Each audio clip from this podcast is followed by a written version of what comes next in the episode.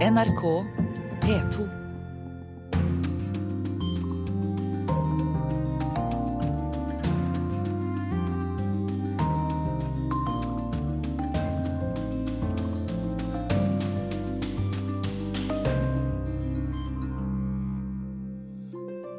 Det er lørdag, klokken har passert 11.03.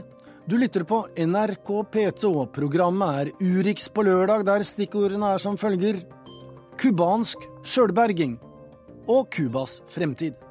Fengslede journalister, gresk økonomi, chilenske kvinner, kinesisk TV og verken sist eller minst verdens beste øl. Og det kommer fra USA. For å få vite mer om det, må du lytte til Urix på lørdag, der korrespondentbrevet som åpnes om ca. tre kvarter, er poststemplet Nairobi, Kenya. Alt dette og mer til i altså Urix på lørdag. Utenriksminister Børge Brende har besøkt Cuba denne uken, der den store saken allikevel er den annonserte oppmykningen i det mer enn 50 år gamle fastlåste forholdet mellom USA og Cuba. Og cubanerne er optimistiske, men dog behersket. For så lenge selve handelsblokaden ikke oppheves, så må de brødfø seg selv. Men da sliter de. Traktoren til Martin de Armas er gjennomrustet. Siste lakkflekk forsvant nok for flere tiår siden, for den kom til Cuba fra Sovjetunionen før unionen brøt sammen og byttehandelen med sukker mot maskiner og olje tok slutt. Hvis jeg hadde penger, så kunne jeg nok kjøpe en ny traktor, sier Martin. En eh, helt ny en, ikke bare en bedre brukt, vil jeg vite der vi står mellom bønner og tomater ute på et jorde i Matanzas-provinsen, et stykke øst for Havanna. Nei, det er ikke tillatt ennå. Men eh, ville han ønsket å kjøpe en helt ny om det var mulig? Selvsagt, ler han. Martin er en del av kooperativet og betaler en fast prosent av produksjonen for bruksrett til jorda. Med vel 500 mål jord og et titalls landarbeidere til å jobbe for seg, er han av de bedre stilte. Men alt av teknisk utstyr er rustent og nedslitt. I Landbruksdepartementet møter jeg internasjonal direktør Juan José León, en eldre, ærverdig kar av bondeslekt med store gestikulerende hender og en liten notatbok stappfull av tall og statistikk om landbrukets tilstand.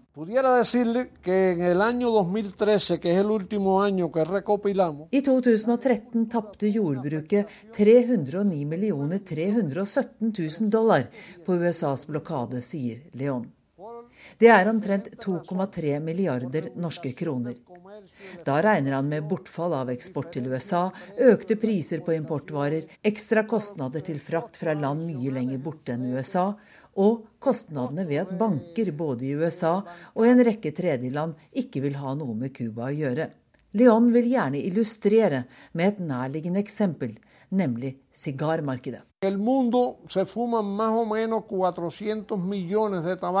I verden røykes det rundt 400 millioner håndrullede sigarer i året. USA står for over halvparten, 270 millioner sigarer. Hvis vi kunne eksportere bare 100 millioner til USA i året, kunne vi tjene 400 millioner dollar, penger vi kunne brukt til traktorer, kunstgjødsel og andre helt nødvendige innsatsvarer til landbruket, sier Leon. Jeg kikker gjennom den åpne døra til en matbutikk for cubanere midt i sentrum av Havanna. Det er altså en butikk der det betales med vanlige cubanske pesos, ikke den spesielle utgaven som vi utlendinger må bruke. De fleste hyllene er tomme. Det finnes bare én type kjøtt, en stor, fettrik type pølse som minner om servelat. Ellers er det ris, olje, egg og litt hermetikk. Over 60% av det cubanerne spiser, importeres fra utlandet mye av det fra USA. Daværende president George W. Bush gjorde nemlig et unntak for eksport av visse typer mat og medisiner i år 2000, til stor glede for amerikanske bønder. I går kom meldingen om at den amerikanske matvareeksporten til Cuba har sunket kraftig. Fra 5,5 milliarder norske kroner i 2008 til 2,2 milliarder i fjor. USA krever at Cuba betaler kontant. Vanlig kreditt kommer ikke på tale. Tilbake til bonden i Matanzas-provinsen. Jeg spør om han kan selge løken, tomatene og bønnene sine direkte til turisthotellene i nærheten. Jeg har ikke lov til å selge til hotellene, bare til Akopia, svarer Martin. Akopia er det statlige innkjøpssystemet for landbruksvarer, og det er de som suverent fastsetter prisene i de fleste av Cubas provinser. Det betyr lave priser og få muligheter for landets bønder til å legge seg av penger. Men det finnes unntak, for regjeringen har som et eksperiment løsnet på omsetningsreglementet i tre provinser. Like utenfor Havanna åpnet landets første grossistmarked for vel et år siden. Kind of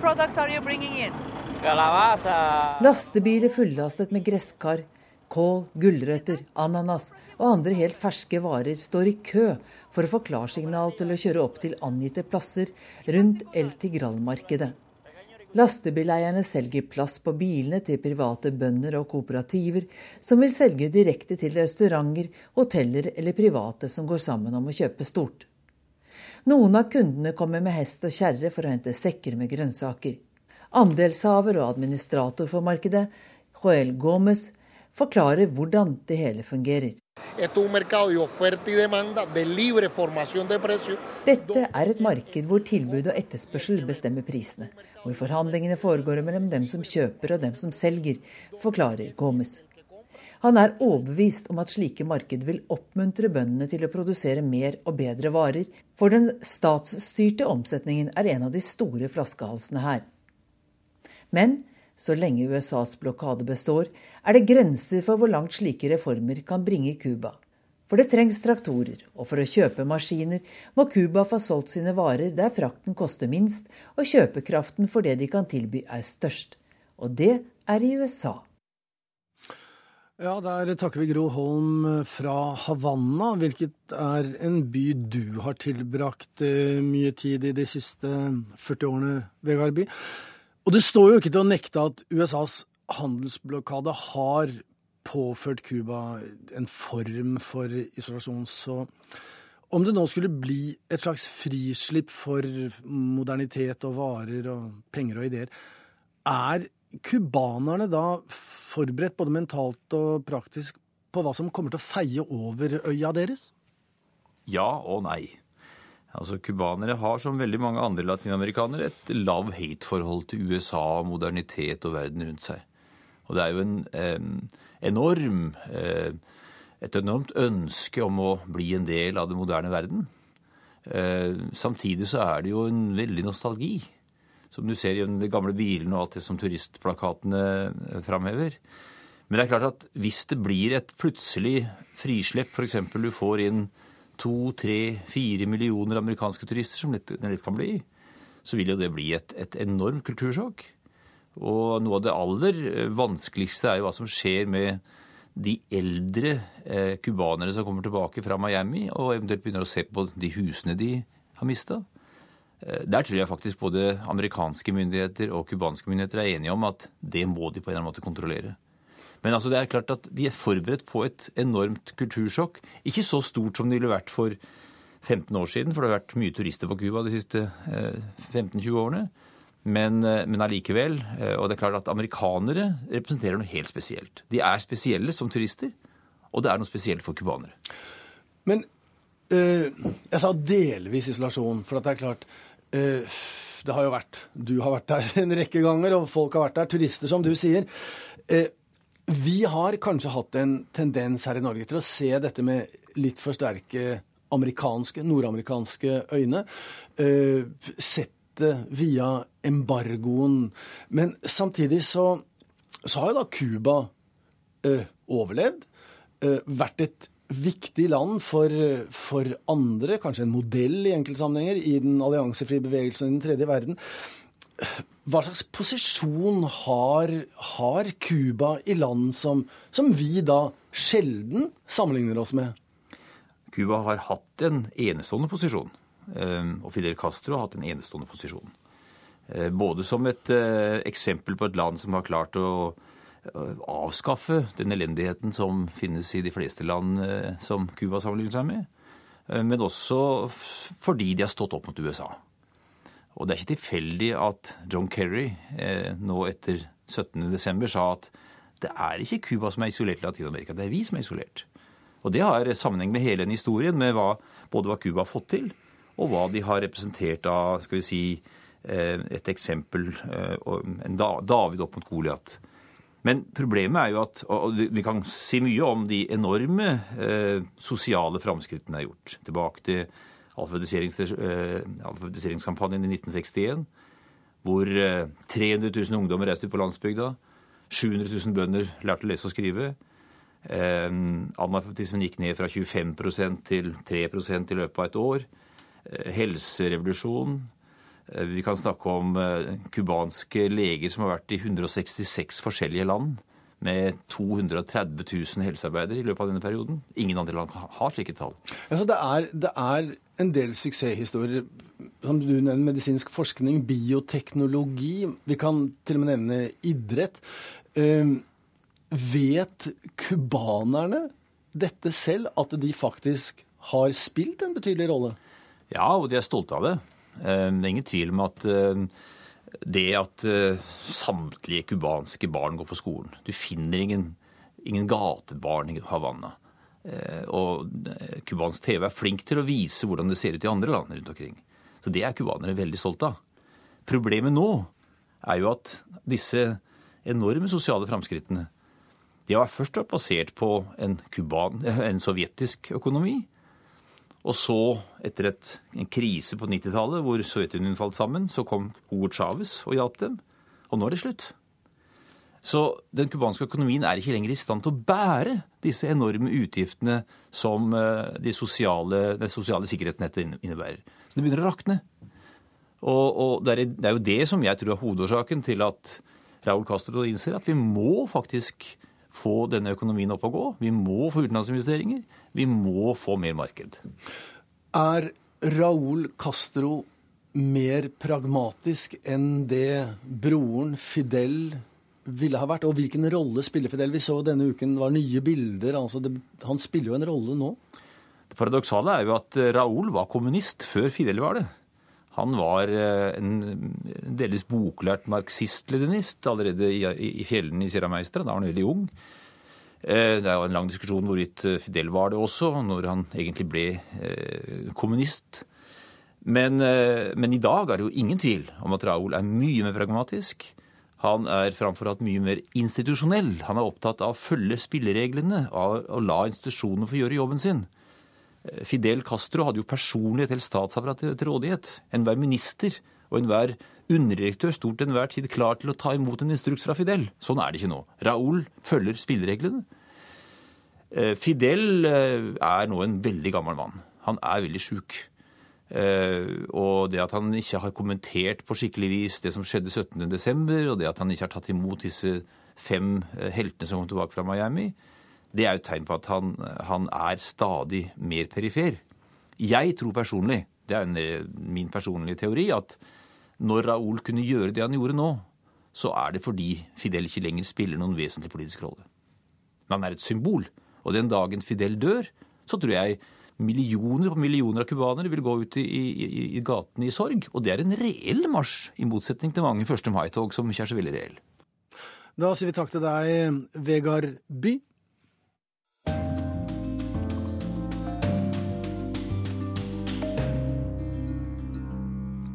Terrorangrepet mot Charlie Hebdo i forrige måned satte ytringsfriheten på dagsorden på en brutal og blodig måte. Og det er ingen tvil om at ytringsfriheten er truet. Ved utgangen av 2014 satte 221 journalister i fengsel over hele verden. Tallene kommer fra CJP, altså Komiteen for beskyttelse av journalister. Det er det nest høyeste tallet i komiteens historie. Kina, Iran og Eritrea er de tre landene som har fengslet flest i Egypt satt det tolv journalistfanger, men denne uken ble det tallet redusert med én. På flyplassen i Brisbane i Australia jubler familie, venner og kolleger av Al Jazeera-journalisten Peter Greste. Etter 400 dager i fengsel i Egypt er han sluppet løs og deportert hjem til Australia.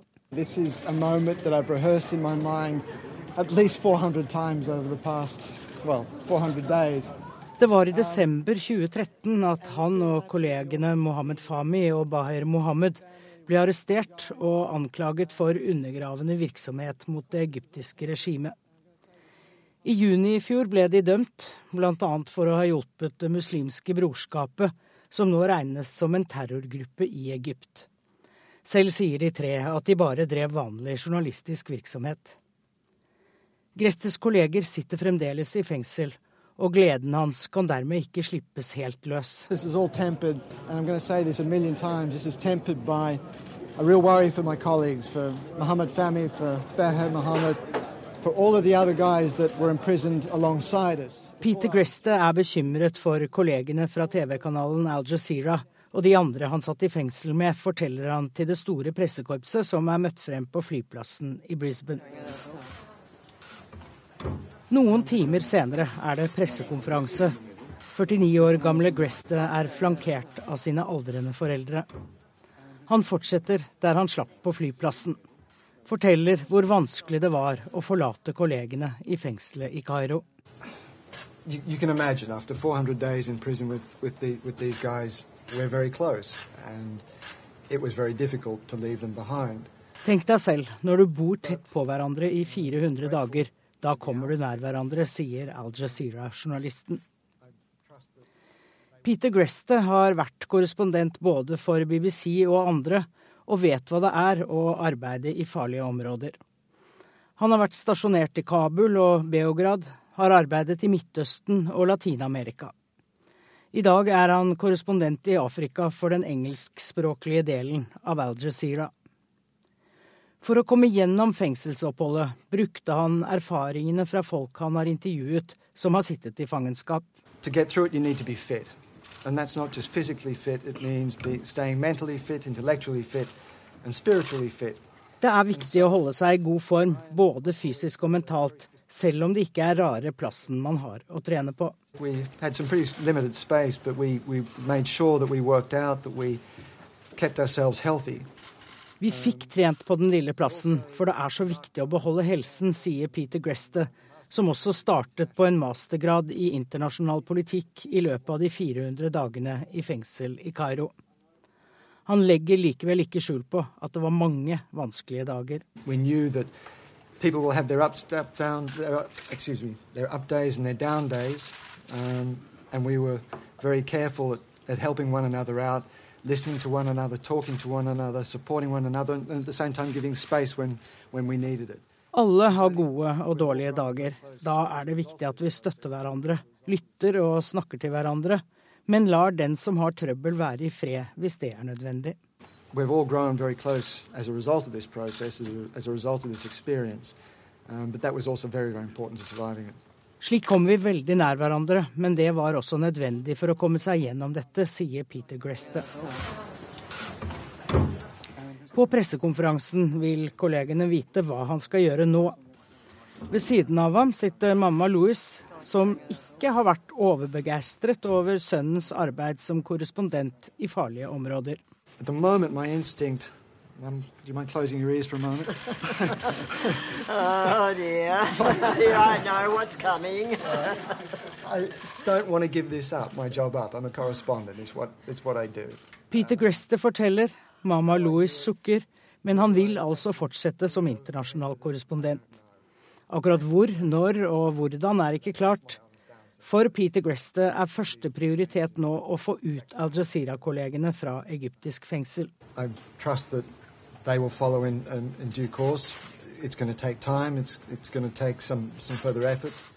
Det vil ta tid og krefter å få ut kollegene mine, men det kommer til å skje. Og da blir det en heidundrende fest sier journalisten Peter Greste. We'll see them out, and when we do, I'm going to party with them very, very hard indeed. Ja, Det sa altså Al Jazeera-journalisten Peter Greste, fri fra egyptisk fangenskap. Og reporter var Anette Groth. Neste stopp er Kina, der det snart er nyttårsaften. Slik har de det på de kanter, og da er naturligvis forberedelsene i gang til feiringen. Og etter uker med spekulasjoner så har kinesisk TV nå offentliggjort navnene på de åtte programlederne som skal lede nyttårsforestillingen på TV. Men i Kina, så innebærer det noe mer enn bare åtte navn. Som alltid på de kanter så henger politikk og underholdning nøye sammen.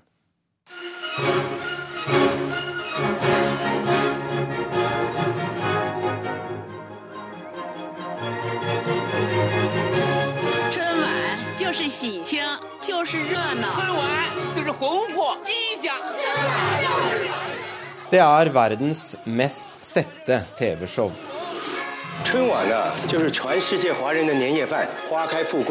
Langt foran Superbowl og Eurovisjonsfinaler samlet nyttårsforestillingen på kinesisk TV i fjor 704 millioner seere.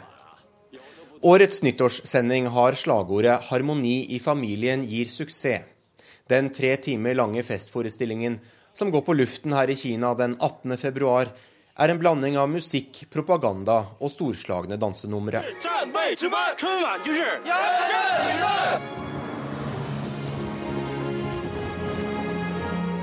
Men det politiske budskapet har i år også gjennomsyret valget av programledere. For første gang får en uigur æren av å bringe Kina inn i det nye året. Negmat Rahman, som i flere år har ledet et populært spørreprogram, blir den første nyttårsprogramlederen fra Kinas urolige Xinjiang-region, og blir sett på her som et grep for å bidra til å minske de økende spenningene med Kinas uigur-minoritet. Men enda mer spennende er kanskje de programledernavnene som ikke ble valgt. Komikeren Zhao Benshan blir ikke å se i år. Ifølge kinesiske aviser er det hans råflotte livsførsel som ikke er i tråd med president Xi Jinpings pågående antikorrupsjonskampanje.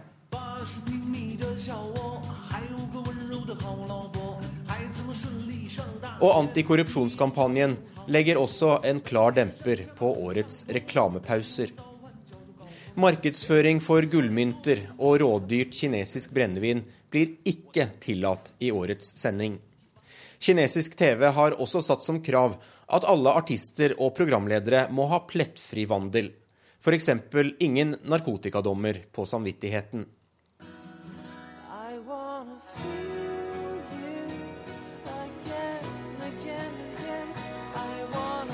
Og dermed gikk sceneteppet i år igjen, også for JC Chan.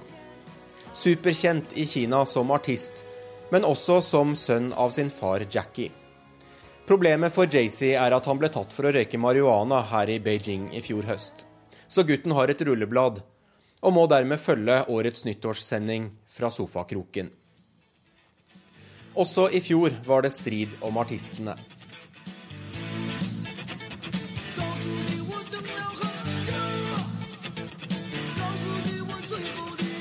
Rockelegenden Tu Yan har ikke stått på en stor scene i Kina i 15 år etter at hiten 'Ikke i mitt navn' ble en slags kjenningsmelodi for studentopptøyene i 1989.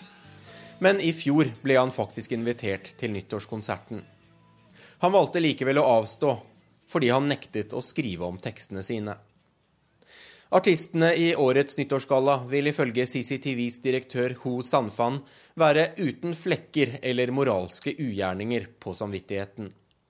For sikkerhets skyld er en gruppe statlige inspektører engasjert for å holde øye med produsentene, og at de ikke misbruker offentlige penger når lampene snart skrus på for verdens største TV-show.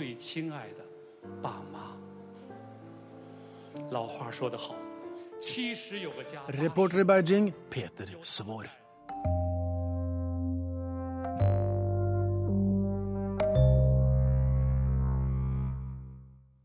Den nye regjeringen i Hellas er allerede i gang. Arbeidet ledes av landets nye finansminister, som kjemper en innbitt kamp for å få reforhandlet landets enorme gjeld til EU. Han heter Janis Varoufakis og var en radikal økonomiprofessor uten politisk erfaring. Denne uken har han vært på sjarmoffensiv i håp om å få anledning til å spise økonomiske kirsebær med de store i Europa.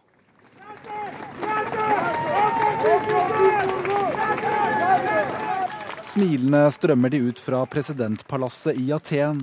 Den nye greske regjeringen er akkurat tatt i ed. Tett bak statsminister Alexis Tsipras følger mannen som kanskje har fått den vanskeligste jobben. Mannen som skal reforhandle Hellas' gigantiske gjeld. Mannen som mange mener kan avgjøre skjebnen til hele den europeiske økonomien. Janis Varoufakis er Hellas' nye finansminister. Børsen i Aten stupte da utnevnelsen var klar. Det startet heller ikke så bra da eurogruppens leder kom til Aten bare dager etter valget, avslørte bildene et svært kjølig forhold mellom ham og Varoufakis.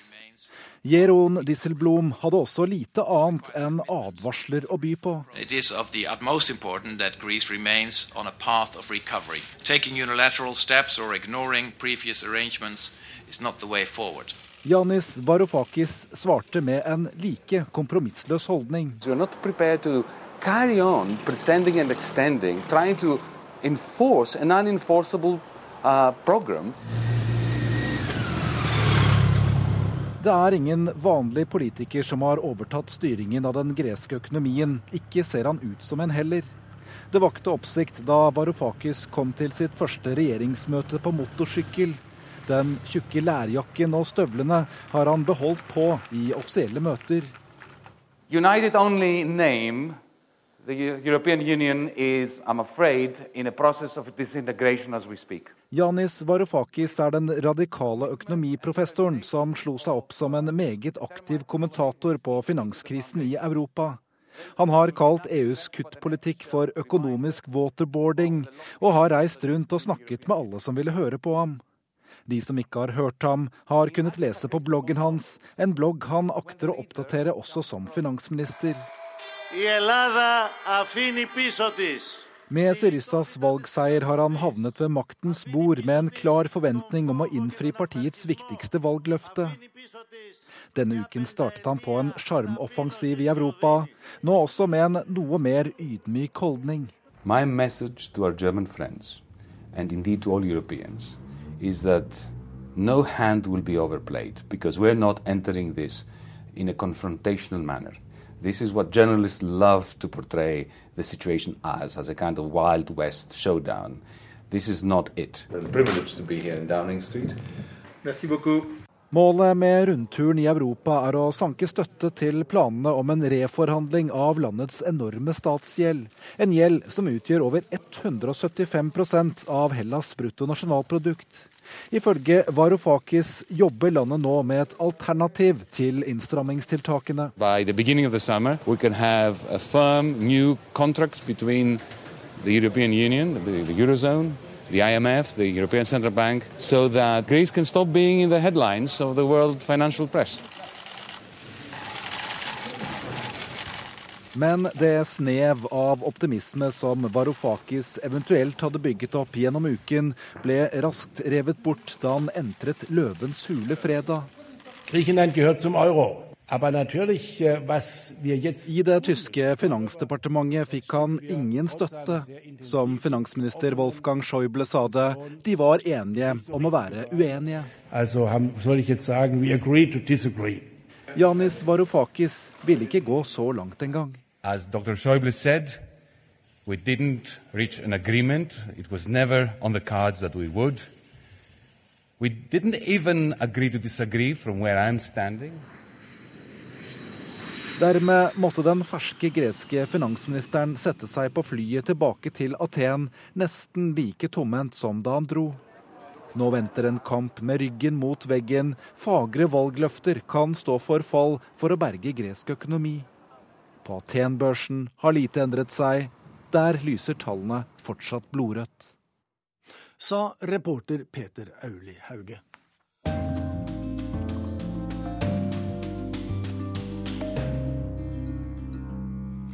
Det er sjelden vi snakker om øl her i Urix på lørdag, og aldri drikker vi det. Men når vi nå først skal ta for oss dette temaet, så er det kvalitet over brygget. Det dreier seg faktisk om verdens beste øl, kåret av ølentusiaster på internett. Det oppsiktsvekkende er at eh, det velsmakende ølet kommer fra USA. Der er det nå tusenvis av små mikrobryggerier som satser på et helt annet marked enn Bud Light. Men man må virkelig være både øltørst og feinschmecker for å få tak i disse edle dråpene. Det erfarte kollega Tove Bjørgaas da hun besøkte Vermont. I have numbers for the Hetty Topper line. Every, every Thursday morning, we sell Hetty Topper, 9 o'clock. Ta en lapp, vær så god, sier Patrick Luce. Han er kommet til nummer 25 allerede, enda klokka bare er knapt åtte. Men han har en stor bunke med lapper i hånda. Anywhere from 50 to 145 people, maybe more. Um, So people get a number to stand in line. yeah, when it's this cold outside, it's pretty cold. It's like 16 below. Vanligvis kommer det mellom 50 og 150 før klokka ni, forklarer kjøpmannen, som gjerne kunne ha gnidd seg i hendene om det ikke hadde vært for at de er opptatt med kølappene. Det er en helt vanlig torsdag morgen i dagligvarehandelen Hungry Mountain Co-op i Vermonts hovedstad Montpelier. Ute er det 22 minusgrader. Derfor er Patrick Luce litt ekstra snill i dag, og lar oss øltørste, eller i mitt tilfelle ølnysgjerrige, kunder vente inne i butikken. Uh. Forrige torsdag sto det 100 mennesker utenfor og frøs. Noen av dem hadde kjørt hele natta, fra New York eller helt fra Nord-Carolina, forklarer Patrick. Et tosifret antall timer i bil for å kjøpe øl. Cirka midt i køen står Robert med lua på. Også han har kjørt en stund på isete veier denne morgenen. Han forsøker å forklare hvorfor det er verdt det. Well, it's it's an interesting beer. It you you first you drink it and then it tastes okay, and then as you get into it, it gets better and better as you uh, you know drink it, and then you know.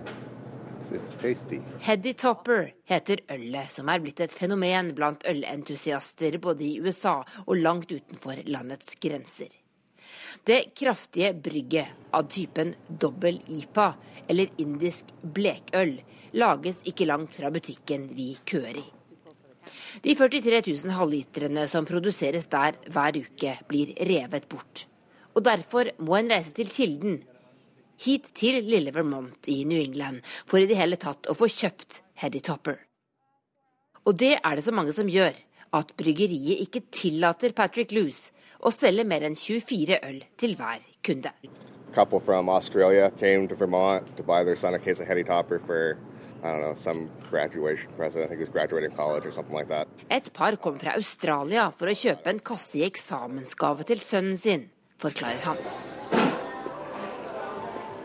To mil unna, i et lite trehus, finner vi bryggeriet The Alchemist.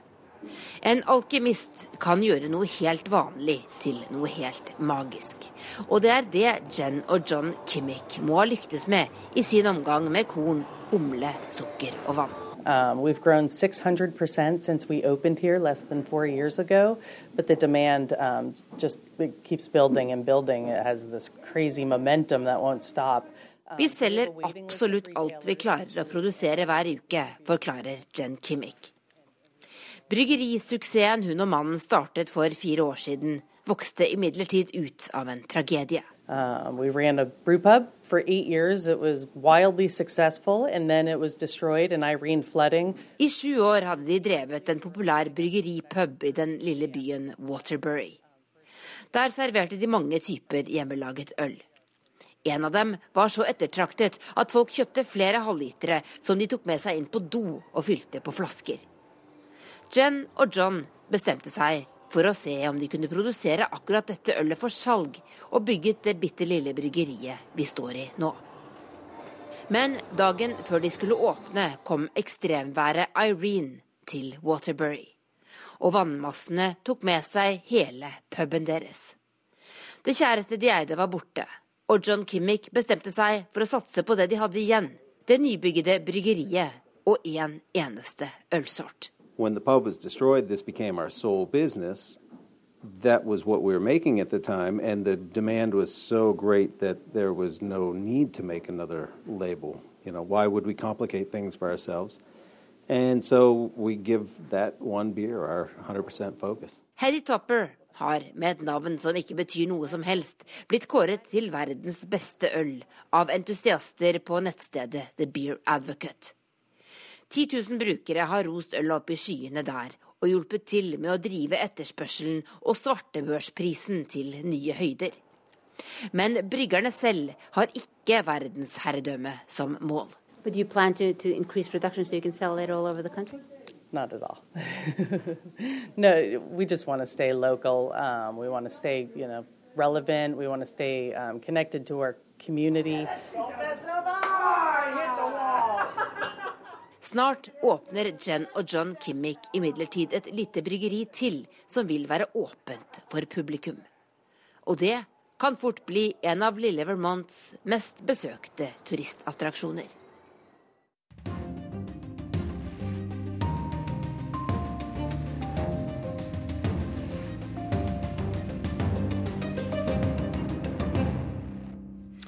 Fra Oliver Mond så skal vi sørover på det amerikanske kontinentet, helt til Chile, som på en og samme tid er både kanskje Latin-Amerikas mest moderne land og et av de mest gammeldagse. Hva kvinnefrigjøring og likestilling angår, så er chilenerne noen sinker. Det ønsker chilenske myndigheter nå å gjøre noe med. I dette arbeidet er Norge vårt forbilde, sier statssekretær Katja Trusic til vår reporter Arnt Stefansen, som har besøkt Santiago. Dette er et fryktelig macholand, sier en ung kvinne her i Santiago de Chile. Fra man fødes til man dør, er det menn som har fordelene, sier hun. Jeg mener at det er store muligheter også for kvinner til å gjøre karriere, men problemet er at de tjener så dårlig, sier en mann i 20-årene. Selv om Michelle Bachelet var den første folkevalgte kvinnelige president i Latin-Amerika, og selv om det er en betydelig kvinneandel i det politiske liv her i Chile, så er likestilling en fjern drøm for chilenske kvinner. En undersøkelse fra Verdens økonomiske forum plasserer Chile på 91. plass blant 136 land når det gjelder likestilling. Statssekretær Katja Trusic i Økonomiministeriet svarer slik når jeg spør om kvinners deltakelse i det økonomiske liv. Det er en lav deltakelse, sier hun og ler litt resignert. Derfor er det viktig for regjeringen å bedre den. En andel på hele 30% av kvinnene har ikke jobb, selv om de er kvalifisert og ønsker å gå ut i arbeidslivet.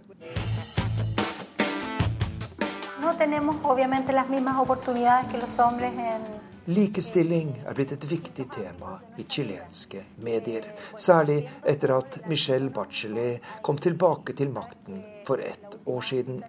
Den nye regjeringen har kommet med en rekke tiltak for å øke kvinneandelen i bedriftene, både i offentlig sektor, i kooperativer og i private bedrifter. Kvinnekvotering i bedriftenes styrer er ett av tiltakene, og særlig i privat sektor er motstanden stor, sier statssekretær Katja Trosic. Que no hay mujeres. Ese es el principal argumento. Que no hay mujeres calificadas, que no hay mujeres disponibles. Vi får stadig høre at det ikke finnes kvinner som er kvalifisert og som ønsker å ta på seg slike verv. Mektige menn står frem og spår at det vil ta et par generasjoner før kvinner kan utgjøre 40% av et styre, slik vi foreslår. Men dette er fordommer og machoholdninger. Svært mange chilenske menn mener fortsatt at kvinnens plass er i hjemmet, sier Katja Trosic, som har Norge som forbilde for sitt arbeid. Porque Noruega fue pionera en impulsar las cuotas de género eh, en sus directorios. Norge var en pioner i arbeidet med å innføre kjønnskvoter i bedriftsstyrer. Jeg har hatt et nært samarbeid med Norges ambassadør her i Chile, og vi har hatt stor glede av hennes kunnskaper. Vi kopierer gjerne de norske ideene og erfaringene når det gjelder likestilling. For på dette området er Norge et foregangsland, og vi her i Chile har fortsatt en lang vei å gå, sier statssekretær Katja Trusic i Økonomiministeriet til Urix på lørdag.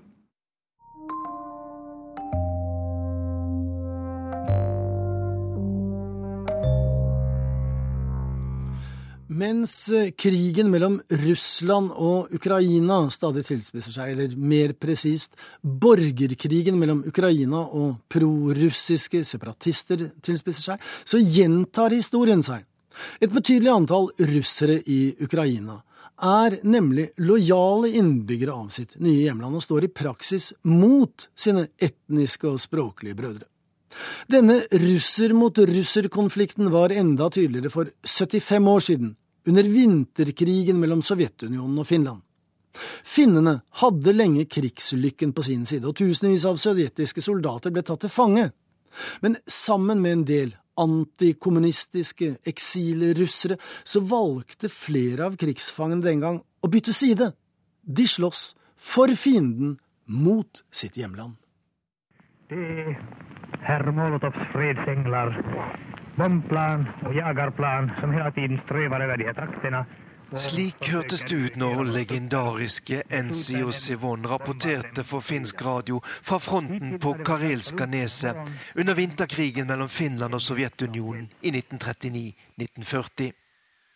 Den vel tre måneder lange konflikten for 75 år siden er blitt en legende i finsk historie. Det samme er Sivons levende skildringer av angrepet fra to sovjetiske jagerfly. Det ryska plan, er jagerplan som kommer. De dyker opp der, nett framfor oss, nedover skogen. Det er to jagere. Det lille Finland står lenge imot presset fra det store nabolandet i øst. Og til tross for en ydmykende fred klarte landet å bevare sin selvstendighet. Både norske og svenske frivillige deltok på finsk side. Men mindre kjent er det at også russere ble mobilisert til å slåss mot den sovjetiske Røde armé. Hallo, hallo, det er Moskva som taler. De finska militaristernas fräcka provokation i sine imperialistiske oppdragsgiveres tjänst. Fra sovjetisk side ble krigen framstilt som en defensiv forsvarskrig mot det aggressive borgerlige Finland under ledelse av general Gustav Mannerheim. Dette er et utdrag fra en sending fra den svenske redaksjonen i Radio Moskva, den sovjetiske propagandaradioen rettet mot Skandinavia. Fra sovjetisk side var målet å presse grensen mellom Finland og Sovjetunionen bort fra storbyen Leningrad lengre nord på det karelske neset. Men det viste seg raskt at den sovjetiske offensiven var dårlig forberedt, samtidig som de finske soldatene gjorde seig motstand. Snart gikk Den røde med på en rekke ydmykende nederlag, der titusenvis av soldater ble drept eller tatt til fange. Det var i denne situasjonen det dukket opp flere russere i Finland som tilbød general Mannerheim sine tjenester i kampen mot sitt gamle hjemland. De fleste hadde rømt fra Russland etter revolusjonen i 1917, men det var også én person som hadde førstehånds kjennskap til det som foregikk i Sovjetunionen. Boris Bajanov hadde arbeidet under sovjetlederen Josef Stalin som sekretær for politbyrået, men hadde flyktet til utlandet i 1928. Nå fløy han fra Frankrike via Sverige til Finland og tilbød seg å stå i spissen for en russisk folkearmé, RNA, bestående av soldater som var havnet i finsk fangenskap. I et opptak fra finsk Radio Yles arkiv er det et innslag med en sovjetisk krigsflyger som ble skutt ned, men berget livet ved å hoppe ut i fallskjerm. Ifølge reporteren sier flygeren nå at han ikke kan forstå hvordan det er mulig å skyte på sivile, slik som han og hans sovjetiske kollega har fått ordre om. Han sier at De sovjetiske soldatene har vært utsatt for hjernevasking. Og ifølge den russiske historikeren Kiril Aleksandrov hadde Boris Bajanov og hans medhjelpere relativt stor suksess med sine vervingsforsøk i de finske fangeleirene. Av 197 sovjetiske krigsfanger som Bajanov intervjuet under sitt første besøk i leiren Pelso, så sa hele 94 ja til å gå med i RNA. Etter flere besøk i denne leiren hadde til slutt 550 tidligere soldater fra Den røde armé sagt seg villige til å slåss på finsk side. Av disse ble 150 tatt inn i de første frivillige avdelingene av russiske soldater.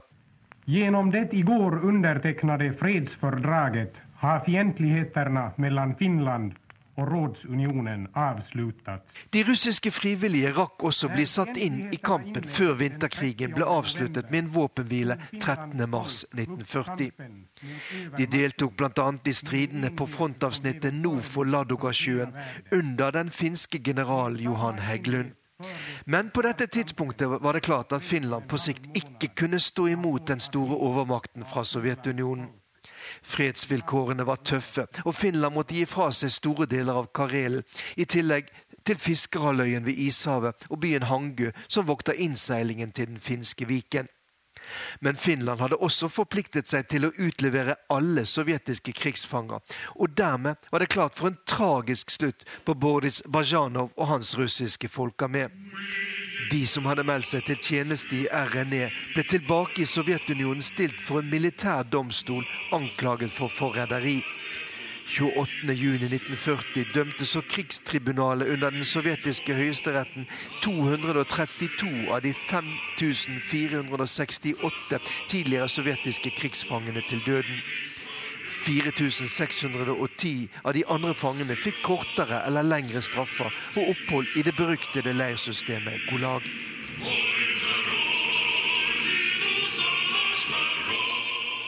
Ja, vi hørte Morten Jentoft fra Moskva.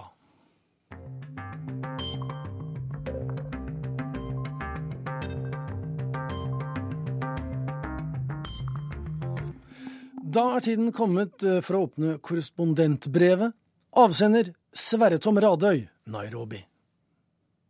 Hanne Løy, utenriksministeren. Pene tøyet med nypresset svart dress og blankpussede sko sto han der foran oss i Mandela-hallen og løy så det sang i marmoren.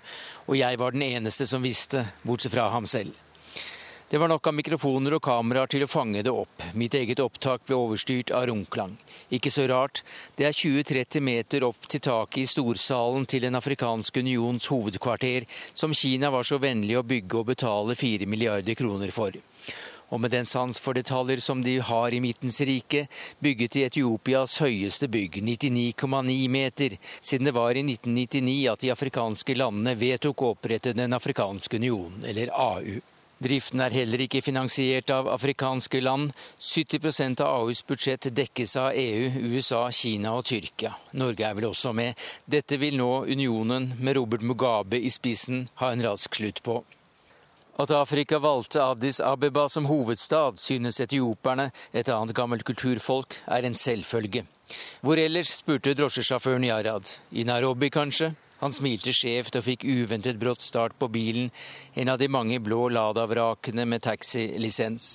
Men hva skulle man vel med aircondition i sovjettiden? I forrige uke besøkte jeg toppmøtet i Den afrikanske union for første gang, og møtte den selvbevisste utgaven av kontinentet, stolt av det fellesskapet hadde fått til siden sist, ikke minst på det militære området. Den afrikanske union har liaison-offiserer i 18 land og regulære styrker i tre. En er i Vest-Sahara, landet er okkupert av Marokko i en ganske så glemt krig på lavbluss. En okkupasjon som gjør at Marokko er det eneste av Afrikas 54 stater som ikke får være medlem av Den afrikanske union. I Somalia har de 22 000 soldatene med AU-emblemet på uniformen hatt stor framgang i kampen mot terrorgruppen Al Shabaab i fjor, med god hjelp av amerikanske droner. Unionen markerer seg også i kampen mot ebola, og bidro med drøyt 1000 helsearbeidere og store ressurser. Selvtilliten øker, og organisasjonen viste gjennomslagskraft i dagene da framtiden for demokratiet i Burkina Faso sto på spill i høst. Det var afrikanske ledere med AU i spissen som fikk til en fredelig løsning, en overgangsregjering og løfte om valg i november. Og nå skal unionen sende 7500 soldater for å ta Boko Haram. Med ledere fra 54 land, deres store medbrakte hoff, alle journalister, diplomater, bistandsorganisasjoner og forretningsfolk i byen, var veksten kraftig også i hotellprisene. 500-800 dollar natten for et standard rom på et bra forretningshotell.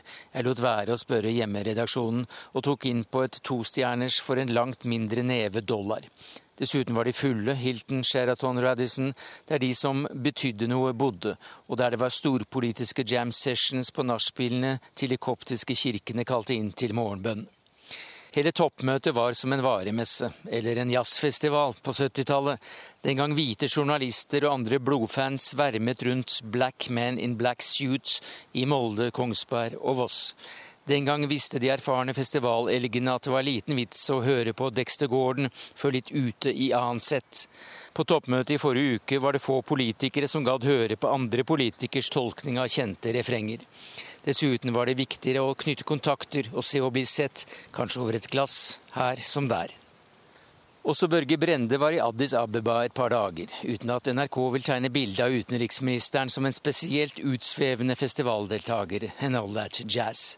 For ham var nok det årlige møtet i Den afrikanske union mer som en varemesse, der man aldri visste helt hva man fikk, avtaler ble kansellert, nye kom i stand. Gjestelisten til møtet i den norske ambassaden om terrorbekjempelse i Sahel-området ble stadig skrevet om. Men Norge ble som den eneste europeiske nasjonen begunstiget med en strategisk samarbeidsavtale med AU, et signal fra UD om en utenrikspolitisk opprioritering av Afrika. Det kostet sikkert noen kroner, men ble sett på som en diplomatisk seier for et lite lands diplomati, uten at vi vet så mye mer foreløpig. Sørsudanske ledere hører fremdeles på når Norge snakker, etter at Norge har støttet lederne derfra siden 60-tallet. Hvor godt de hører etter, er en annen sak. På Sheraton møtte Brende den ene av de to som mange mener er personlig ansvarlig for denne krigen, der kanskje 100 000 er drept, og der barn og kvinner utsettes for seksuelle overgrep i et omfang som FNs spesialutsending aldri har sett maken til. President Salwa Kiir hadde tunge øyne under den bredbremmede hatten. Han var visst syk også. Etter møtet fortalte Brende at Norge aldri har vært så direkte i sin kritikk og klar på at økonomiske sanksjoner rettet mot lederne selv kan bli aktuelt hvis de ikke klarer å skape fred.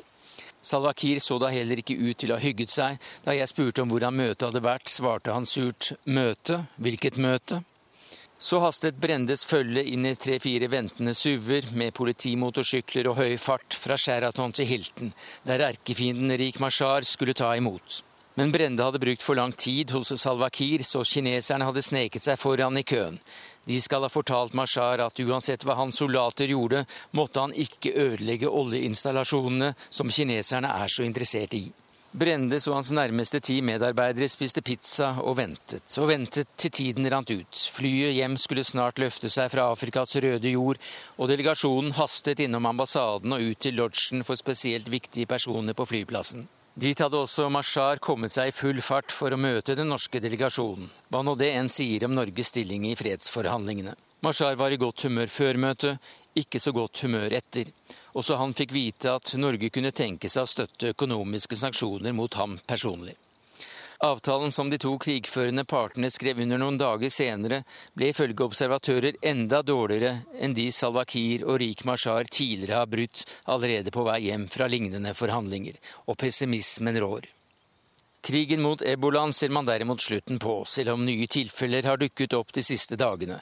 Det er ikke 1,4 millioner smittede nå i februar, slik anerkjente forskningsmiljøer spådde kunne bli tilfellet. Det er nærmere 20 000, halvannen prosent av det pessimistene spådde.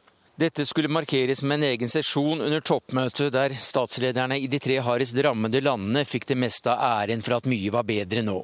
Litt ufortjent, sa en lokal journalist, et klart understatement. Landene er i toppsjiktet i rankingen av dårlig styrte stater i verden. Verneutstyr lå ulåset i havna i mange uker, og NRK var nyhetsledende da vi filmet at streikende helsearbeidere ble sperret inne på ebolamottak av sykehusledelsen, samme dag som helseministeren benektet at det var aksjoner i det hele tatt. På vei til pauserommet for eksellenser fortalte jeg Liberias utenriksminister at jeg hadde besøkt landet hans den uken i oktober da det ble rapportert om størst økning i smittede og døde. Han ventet til pressekorpset stilte seg opp før han svarte, for å bli filmet mens han fortalte hvor ille det var da, og hvor bra det var nå. Ikke minst pga. statslederen i landet. Jeg fortalte om helsearbeidernes situasjon. Han sa at alt var nå meget bedre. Men jeg hadde nylig fått en e-post fra Williams, en av lederne av det liberiske helsearbeiderforbundet. Han skrev at situasjonen ikke hadde endret seg stort fra oktober hva gjaldt lønninger og forsikringer. Jeg hadde møtt ham i Liberia under streiken. Da fryktet han slik for sitt eget liv at han hadde gått under jorda. Helsestreiken var dårlig reklame for Liberia, som trengte internasjonal velvilje. Jeg gjenga Williams versjon til utenriksministeren, og han løy meg rett opp i ansiktet da han sa at alt dette var ordnet, og nå måtte vi tenke framover. So if you will excuse me. Jeg fortalte at familien til Williams var uten inntekter, og at han fremdeles bare tør se familien om dagen. Utenriksministeren sa at alt var bra nå, ikke minst takket være presidenten, og at vi alle nå måtte glede oss over at sykdommen snart var forsvunnet, if you will excuse me. Fremdeles unngår Williams å sove i eget hus. Hver natt skifter han oppholdssted. Ethiopian Airways rute 306 var klar til avgang fra Addis Abeba. Selskapet er kåret til Afrikas beste tre år på rad nå, og nattflyet skulle lande i Narobi to timer senere. Vel oppe i lufta ønsket en sukkersøt stemme oss hjertelig velkommen til denne turen til Uganda. What? ropte 50 passasjerer, men det er en annen historie sa Sverre Tom Radøy.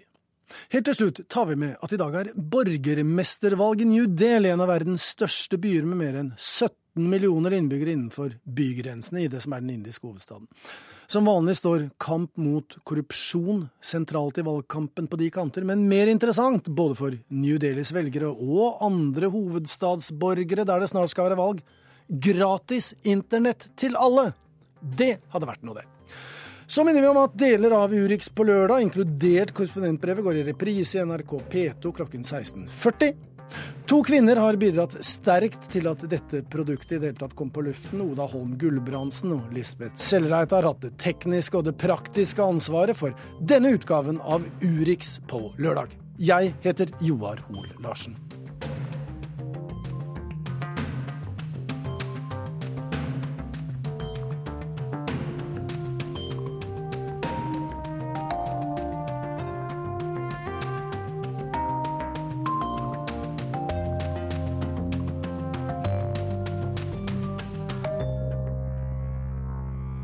Hør flere podkaster på nrk.no podkast.